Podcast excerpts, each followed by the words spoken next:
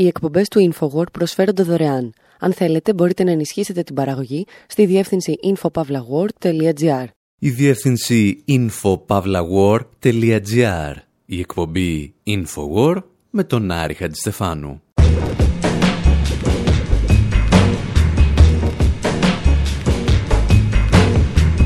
όπου σήμερα κοιτάζουμε το ρολόι μας και συνειδητοποιούμε ότι έχουμε μόλις δύο λεπτά ζωής ως πλανήτης. Αφήνουμε τους Smashing Pumpkins και τον Peter Sellers να κουρδίζουν το ρολόι του πυρηνικού ολοκαυτώματος και θυμόμαστε μερικές παλαιότερες στιγμές που φτάσαμε κοντά στο τέλος. Διαπιστώνουμε με φρίκι πως οι άνθρωποι που ελέγχουν την τύχη του πλανήτη εδώ και περίπου 7,5 δεκαετίες δεν είναι ούτε πιο έξυπνοι, αλλά ούτε και πιο χαζοί από τον Όζι Όσμπορν και τις θεωρίες των παιγνίων που αυτός παρουσιάζει στα τραγούδια του. Και τέλος, φοβόμαστε ότι σε λίγα χρόνια ίσως φτάσουμε να αναπολούμε αυτούς τους ηλίθιους, γιατί πλέον θα ζούμε στον αιώνα των πανηλίθιων. Εξετάζουμε γιατί τα μικρά πυρηνικά όπλα που γίνονται όλο και περισσότερο της μόδας μπορεί να αποδειχθούν πολύ πιο επικίνδυνα από τα μεγάλα.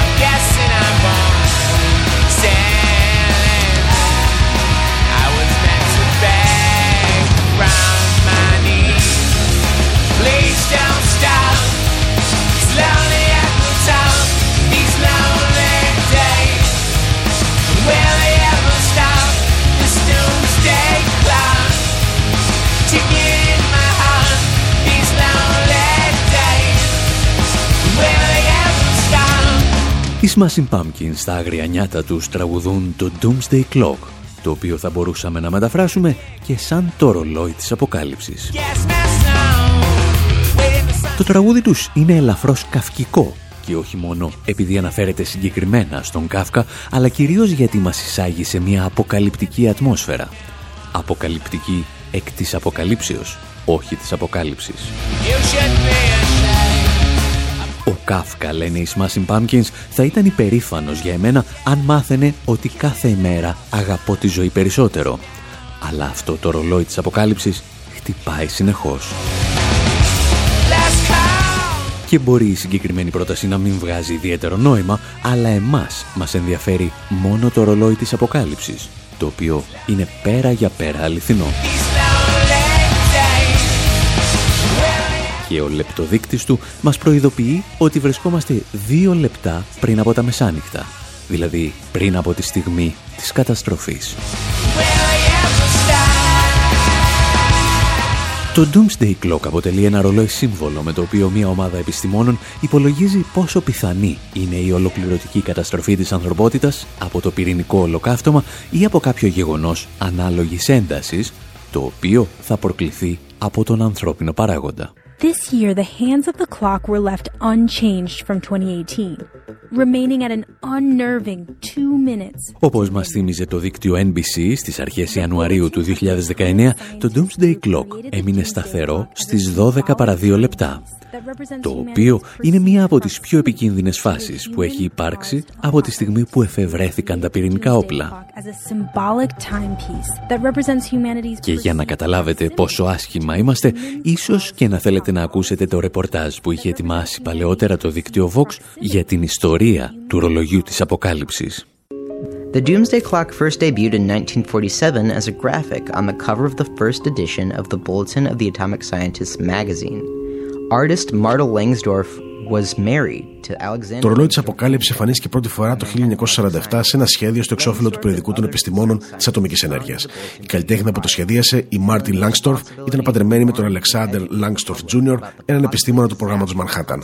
Μαζί με άλλους πυρηνικούς επιστήμονες είχαν δημιουργήσει το περιοδικό για να προειδοποιήσουν και να εκπαιδεύσουν το ευρύ κοινό για τις πιθανές καταστροφικές συνέπειες των δημιουργημάτων τους. Οι ατομικές βόμβες είχαν χρησιμοποιηθεί για πρώτη φορά το 1945, σκοτώντας 130.000 κατοίκους στον πόλο Χειροσύμα και Ναγκασάκη στην Ιαπωνία.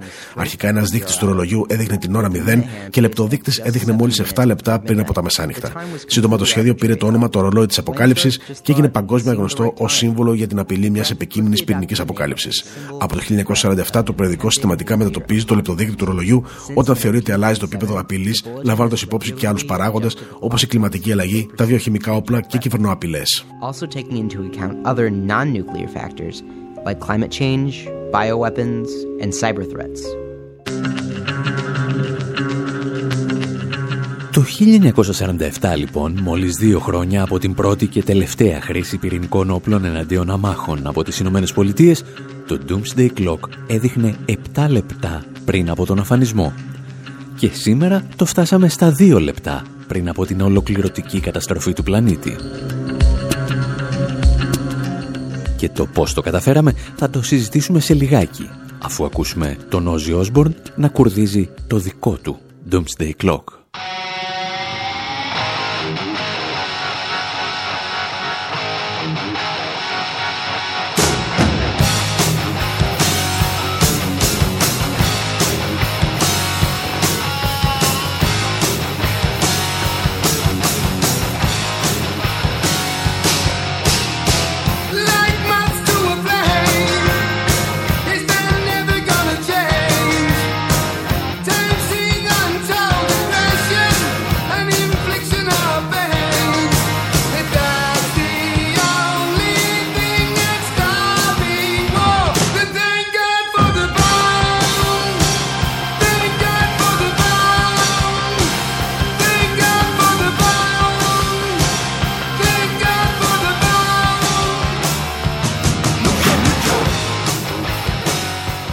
Όζι Όσμπορν τραγουδά ένα ελαφρώς περίεργο αντιπολεμικό τραγούδι με τον ακόμη πιο περίεργο τίτλο «Ευχαριστούμε το Θεό για τη βόμβα» και εννοεί βέβαια την πυρηνική βόμβα.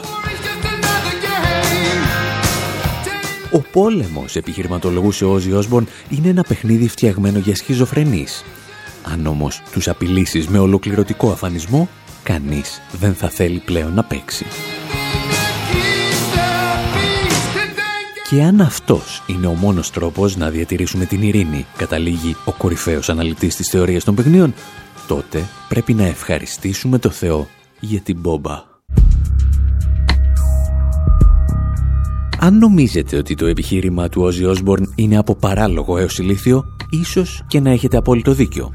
Το πρόβλημα είναι ότι αυτό ακριβώς το επιχείρημα χρησιμοποιείται εδώ και 7 δεκαετίες από τις πυρηνικές υπερδυνάμεις και ακούει στο όνομα τρέλα από την αγγλική λέξη MAD, η οποία με τη σειρά της είναι το αρκτικό λέξο του Mutual Assured Destruction, της αμοιβαία εξασφαλισμένης καταστροφής. Το συγκεκριμένο δόγμα προϋποθέτει ότι καμία πυρηνική δύναμη δεν θα τολμήσει να χρησιμοποιήσει το πυρηνικό της οπλοστάσιο, καθώς γνωρίζει ότι το τελικό αποτέλεσμα της σύγκρουσης θα είναι και ο δικός της αφανισμός. Όπως θα δούμε βέβαια στο δεύτερο μέρος της εκπομπής, το συγκεκριμένο δόγμα αναμένεται να καταρρεύσει τα επόμενα χρόνια, καθώς οι Ηνωμένες Πολιτείες και άλλες πυρηνικές δυνάμεις προωθούν τακτικά πυρηνικά όπλα μικρότερης ισχύως.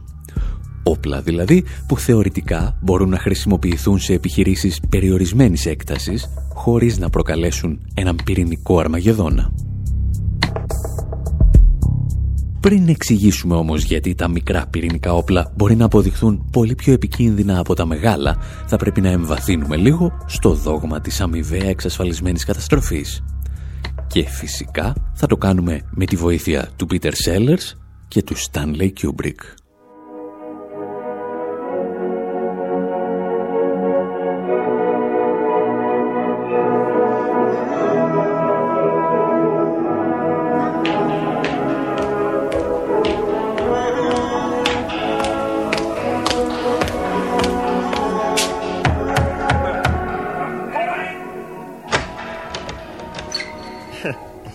Have made several experiments and I have come to this conclusion. So?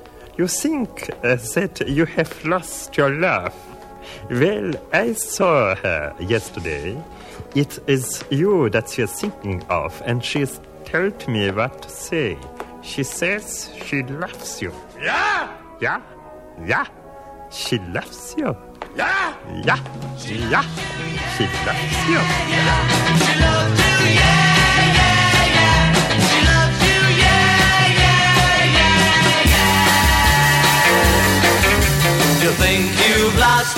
Ο Πίτερ Σέλλερς απαγγέλει το She Loves You με τη φωνή του Dr. Strangelove, του ήρωα που υποδίθηκε στην περίφημη ταινία SOS Πεντάγωνο Καλή Μόσχα. Ίσως την καλύτερη αντιπολεμική σάτυρα στην ιστορία του παγκόσμιου κινηματογράφου. Ο Dr. Strangelove ήταν ο ναζιστής επιστήμονας που βρέθηκε μετά το Δεύτερο Παγκόσμιο Πόλεμο να εργάζεται για λογαριασμό της Αμερικανικής κυβέρνησης. Ορισμένες φορές μάλιστα ξεχνιέται και αποκαλεί τον Αμερικανό πρόεδρο Φίρερ.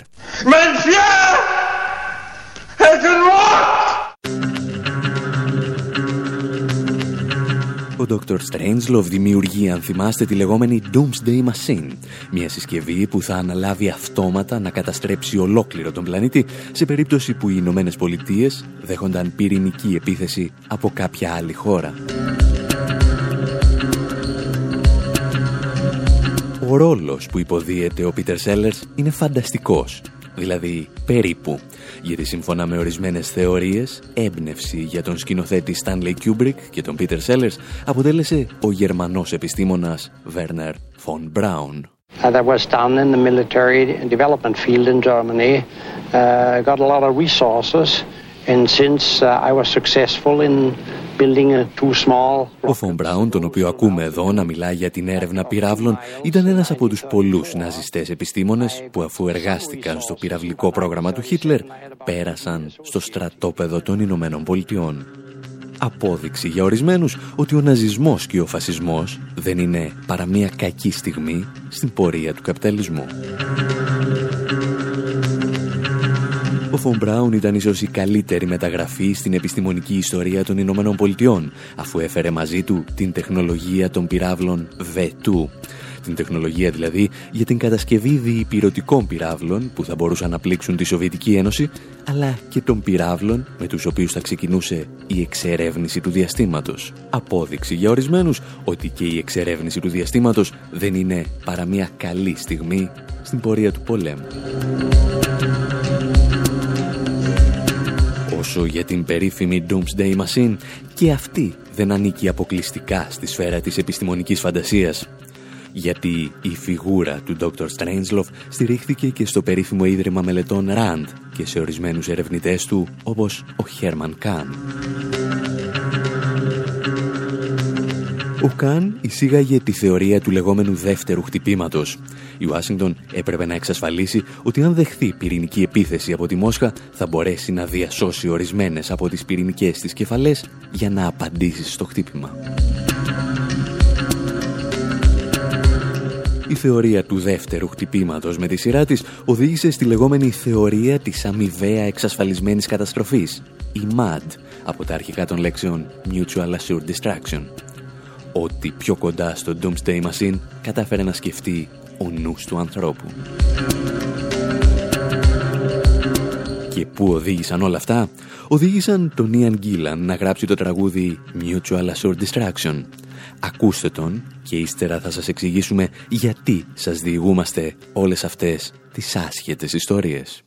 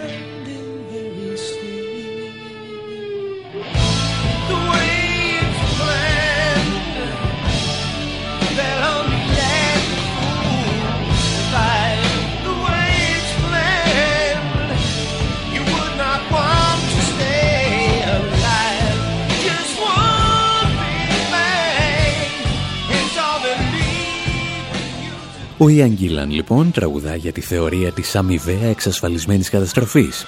Ένα δόγμα το οποίο είναι αρκετά κακό, αλλά όπως θα δούμε, ίσως και να είναι πολύ καλύτερο από ό,τι ετοιμάζουν οι Ηνωμένες Πολιτείες για το μέλλον μας.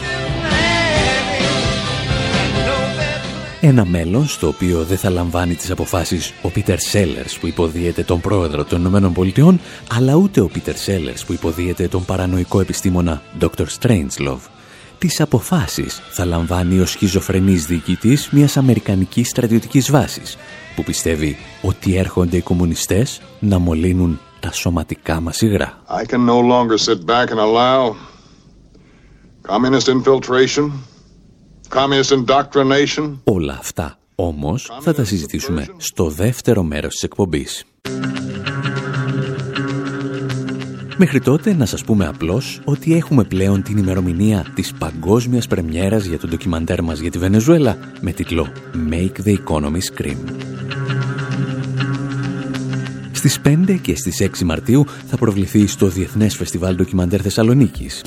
Στις 7 Μαρτίου ξεκινούν οι προβολές στην Αθήνα από τον κινηματογράφο Τριανών και στις 14 Μαρτίου επιστρέφουμε στη Θεσσαλονίκη με προβολές από τον κινηματογράφο Μακεδονικών. Στις 5 Μαρτίου όμως, όσοι έχουν συμβάλει και συνεχίζουν να συμβάλλουν οικονομικά στην παραγωγή, θα λάβουν τους κωδικούς για να παρακολουθήσουν το ντοκιμαντέρ στον υπολογιστή τους. Περισσότερα γι' αυτά όμως στη διευθυνσή maketheeconomyscream.com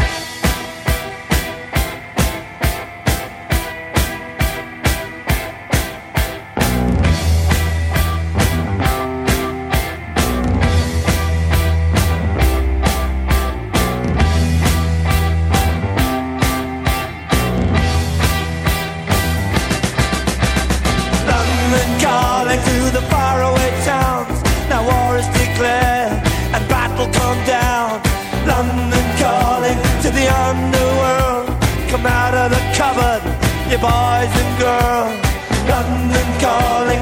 Now don't look to us. Phony Beatlemania has bitten the dust. London calling. See, we ain't got no swing except for the rain and the crunch of thing. The ice is coming, the sun's zooming in. Meltdown expected, the wheat is good thin. Engines stop running, but I have no fear, cause London is drowning. I imitation zone. Forget it, brother, you can go it alone. London calling to the zombies of death. Quit holding out and draw another breath. London calling, and I don't wanna shout. But while we were talking, I saw you nodding out. London calling, see, we ain't got no hide. Except for that one with the yellowy eyes, the ice coming. The sun's zooming in, engines stop running. The wheat is going big, a nuclear error. But I have no fear, cause London is drowning out.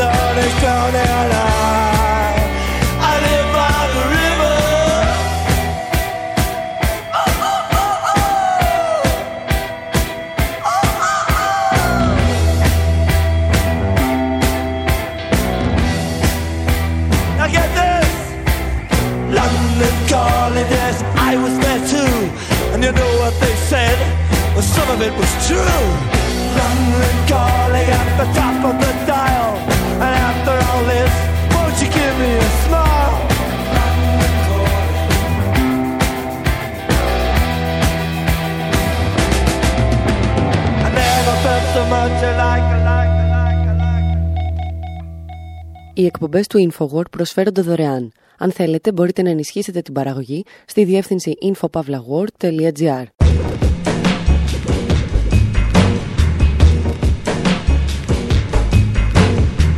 Εκπομπή Infowar, μέρος δεύτερο. Όπου αφήσαμε τους παρανοϊκούς επιστήμονες και στρατηγούς του Stanley Kubrick να μας εξηγούν ότι η μόνη ελπίδα της ανθρωπότητας να μην εξαφανιστεί κάτω από ένα μεγάλο πυρηνικό μανιτάρι είναι να έχουμε όλοι πολλές και μεγάλες πυρηνικές κεφαλές. Και ενώ το να στηρίζεις την ύπαρξή σου στα πυρηνικά όπλα είναι μάλλον παράλογο, ίσως και να είναι καλύτερο από αυτό που έρχεται. Τις μικρές πυρηνικές κεφαλές. Θα δούμε πως ο Ντόναλτ Τραμπ βάζει μεγάλες ποσότητες δυναμίτης στα θεμέλια του κόσμου μας και θα αναρωτηθούμε πώς θα αντιδρούσατε εάν βλέπατε έναν πύραυλο να έρχεται προς την πόλη σας χωρίς να ξέρετε τι κουβαλάει στην κεφαλή του.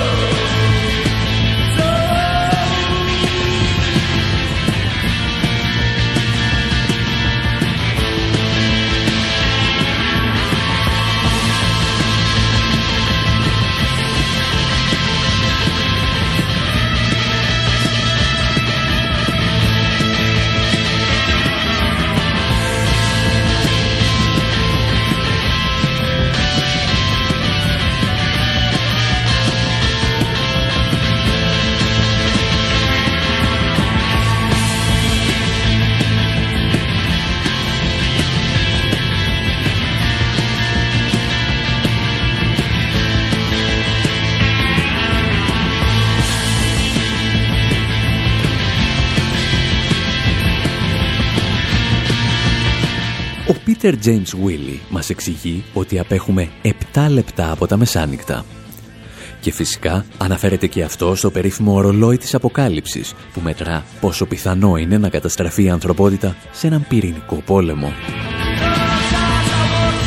Επτά λεπτά ήταν ο χρόνος που είχαμε σύμφωνα με τους επιστήμονες το 1947 όταν χρησιμοποιήθηκε για πρώτη φορά το ρολόι της αποκάλυψης. Γιατί τώρα έχουμε μόνο δύο. Ένας από τους λόγους που φτάσαμε από τα 7 στα 2 λεπτά είναι η κούρσα πυρηνικών εξοπλισμών ανάμεσα στο σύνολο των πυρηνικών δυνάμεων. Ένας δεύτερος λόγος όμως είναι ότι αυτά τα πυρηνικά όπλα γίνονται όλο και πιο μικρά. Και οι πρώτοι που φαίνεται να εξήγησαν σε εμάς τι σημαίνει αυτή η απόφαση ήταν τα ρωσικά και τα κινέζικα μέσα ενημέρωσης. Εδώ το ρεπορτάζ του κινέζικου δικτύου CGTN.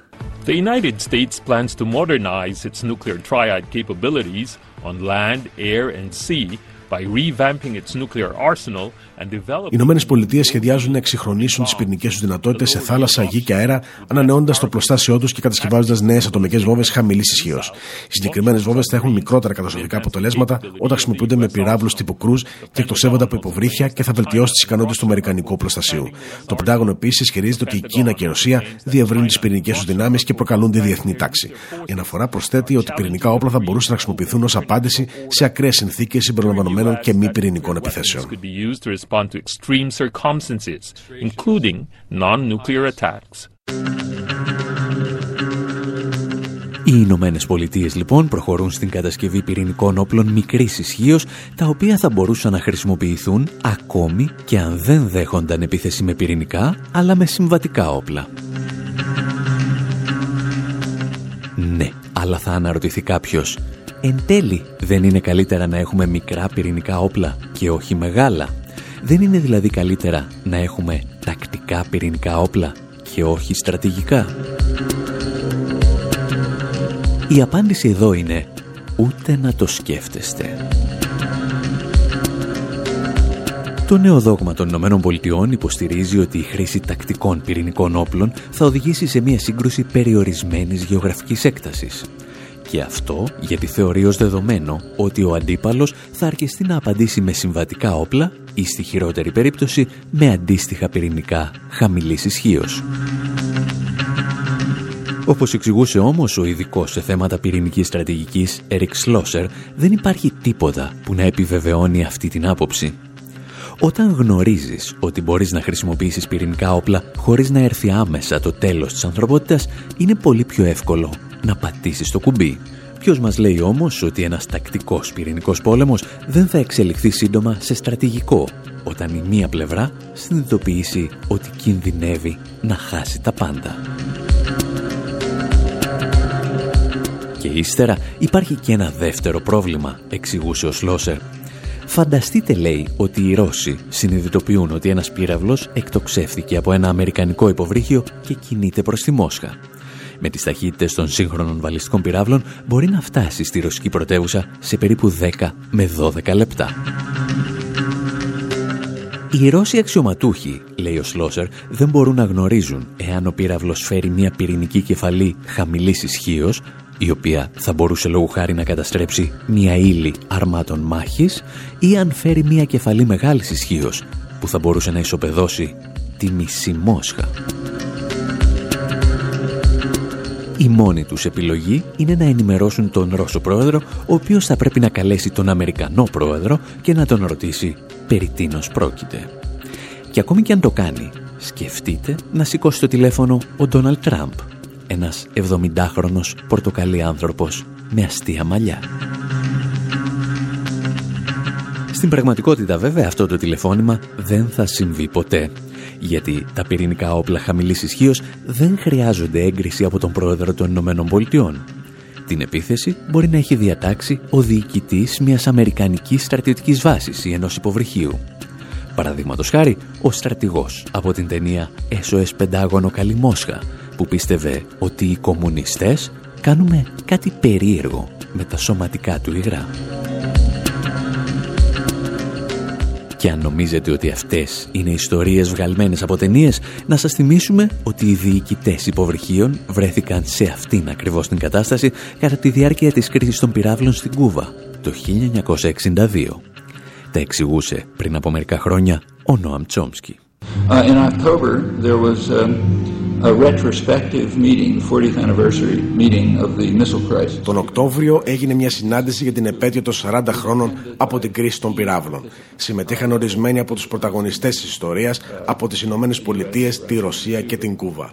Γνώριζαν ήδη ότι η κρίση των πυράβλων ήταν η πιο επικίνδυνη στιγμή στην ανθρώπινη ιστορία. Αυτό που συνειδητοποίησαν όμως τον Οκτώβριο τους άφησε άφωνους.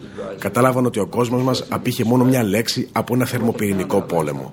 Δύο σοβιετικά υποβρύχια δέχτηκαν επίθεση από αμερικανικά καταδρομικά. Οι διοικητές των υποβρυχίων νόμιζαν ότι είχε ξεκινήσει πυρηνικός πόλεμος και είχαν στη διάθεσή τους πυρηνικά όπλα για να απαντήσουν. Δύο από τους διοικητές διέταξαν επίθεση. Αυτό θα σήμαινε ότι από τις αντιδράσεις και των δύο πλευρών η Νέα Υόρκη και η Μόσχα θα εξαφανίζονταν σε λίγα λεπτά. Γιατί δεν έγινε αυτό, Γιατί ένας τρίτος διοικητής των υποβρυχίων ακύρωσε την εντολή. Και έτσι σήμερα είμαστε εδώ και μιλάμε. That's why we're around to talk about it. Και αν αυτά σας ακούγονται αρκούντος ανησυχητικά, σας έχουμε και άλλα νέα. Ο Τραμπ προσφέρει τεχνολογία για την κατασκευή πυρηνικών όπλων στη Σαουδική Αραβία. Αυτά όμως θα τα πούμε σε λιγάκι.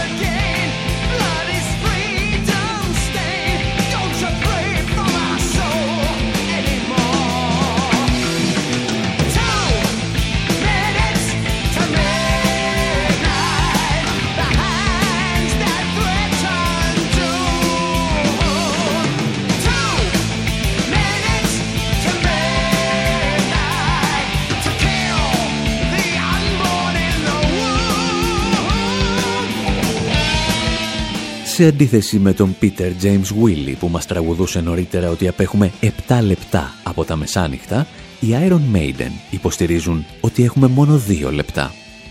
Αυτό δηλαδή που λένε εδώ και περίπου ένα χρόνο και κορυφαίοι επιστήμονες, οι οποίοι καταγράφουν τον κίνδυνο αφανισμού του πλανήτη με το περίφημο ρολόι της αποκάλυψης.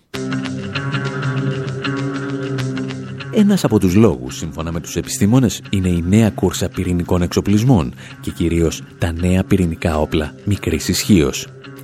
Ένας άλλος λόγος, θα σας πούμε εμείς, είναι ότι ο Ντόναλτ Τραμπ και η οικογένειά του σκέφτονται σοβαρά να μετατρέψουν σε πυρηνική δύναμη τη Σαουδική Αραβία. House Democrats are accusing the Trump administration of moving toward transferring highly sensitive nuclear technology to Saudi Arabia in potential violation Οι Δημοκρατικοί κατηγορούν την κυβέρνηση Τραμπ ότι προχωρά στη μεταφορά άκρο ευαίσθητης πυρηνικής τεχνολογίας στη Σαουδική Αραβία, πιθανώς κατά παράβαση του νόμου.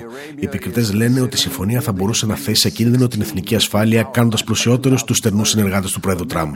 Η Σαουδική Αραβία εξετάζει το ενδεχόμενο να κατασκευάσει 16 πυρηνικούς σταθμούς μέχρι το 2030. Αλλά πολλοί φοβούνται ότι το Βασίλειο θα μπορούσε να χρησιμοποιήσει την τεχνολογία για να κατασκευάσει πυρηνικά όπλα και να προκαλέσει πυρηνικό ανταγωνισμό στη Μέση Ανατολή. Σε συνέντευξη του πέρσι, ο πρίγκιπας Μοχάμαντ Μπιν Σαλμάν είχε δηλώσει καθαρά ότι αν το Ιράν αποκτούσε πυρηνικά όπλα, το ίδιο θα έκανε και η Σαουδική Αραβία.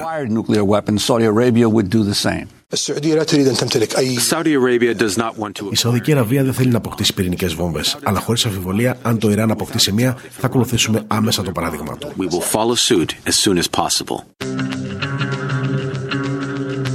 Η έρευνα των Δημοκρατικών για την πρόθεση του Τραμπ να προσφέρει πυρηνική τεχνολογία στη Σαουδική Αραβία προχώρησε και ένα βήμα περισσότερο.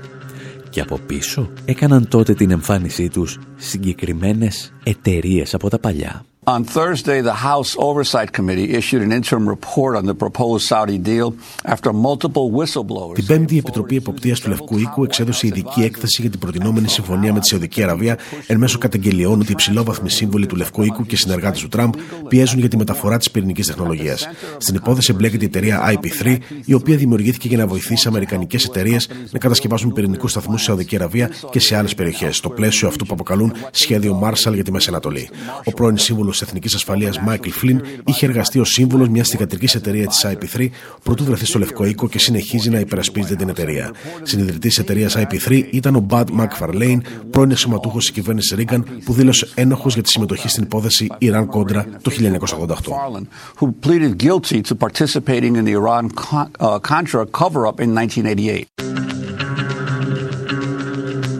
Οι Ηνωμένες Πολιτείες λοιπόν σκέφτονται να προσφέρουν πυρηνική τεχνολογία σε μια χώρα που κατηγορείται ακόμη και από Αμερικανούς αξιωματούχους ότι χρηματοδοτεί δίκτυα τρομοκρατών σε όλο τον κόσμο. Εξετάζουν δηλαδή το ενδεχόμενο να μπορεί να κατασκευάσει πυρηνικά όπλα μια χώρα που προκάλεσε τη μεγαλύτερη ανθρωπιστική κρίση της πρόσφατης ιστορίας στην Ιεμένη. Μια χώρα που έχει ως βασικό στόχο της εξωτερικής της πολιτικής τον αφανισμό του Ιράν. Τι θα μπορούσε να πάει στραβά;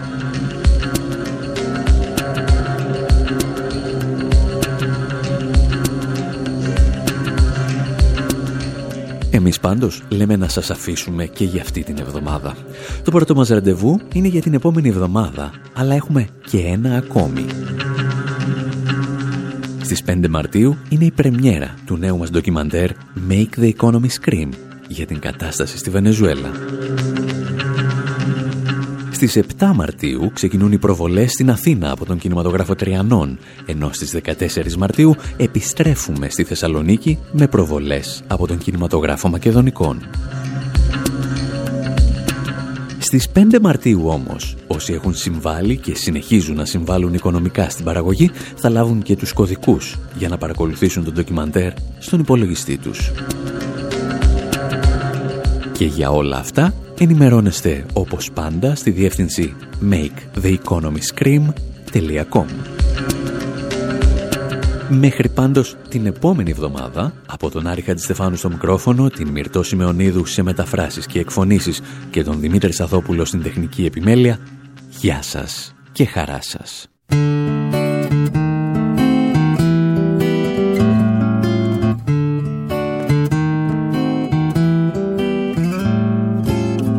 We'll meet again Don't know where Don't know when But I know we'll meet again Some sunny day Keep smiling through Just like you always do till the blue skies drive the dark clouds far away. And will you please say hello to the folks that I know? Tell them that I won't be long. And they'll be happy to know that as you saw me go, I was singing this song. We'll meet again. Don't know where, don't know when, but I know we'll meet again some sunny day.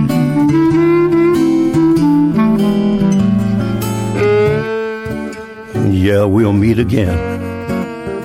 I don't know where, and I don't know when, but I do know that we'll meet again some sunny day.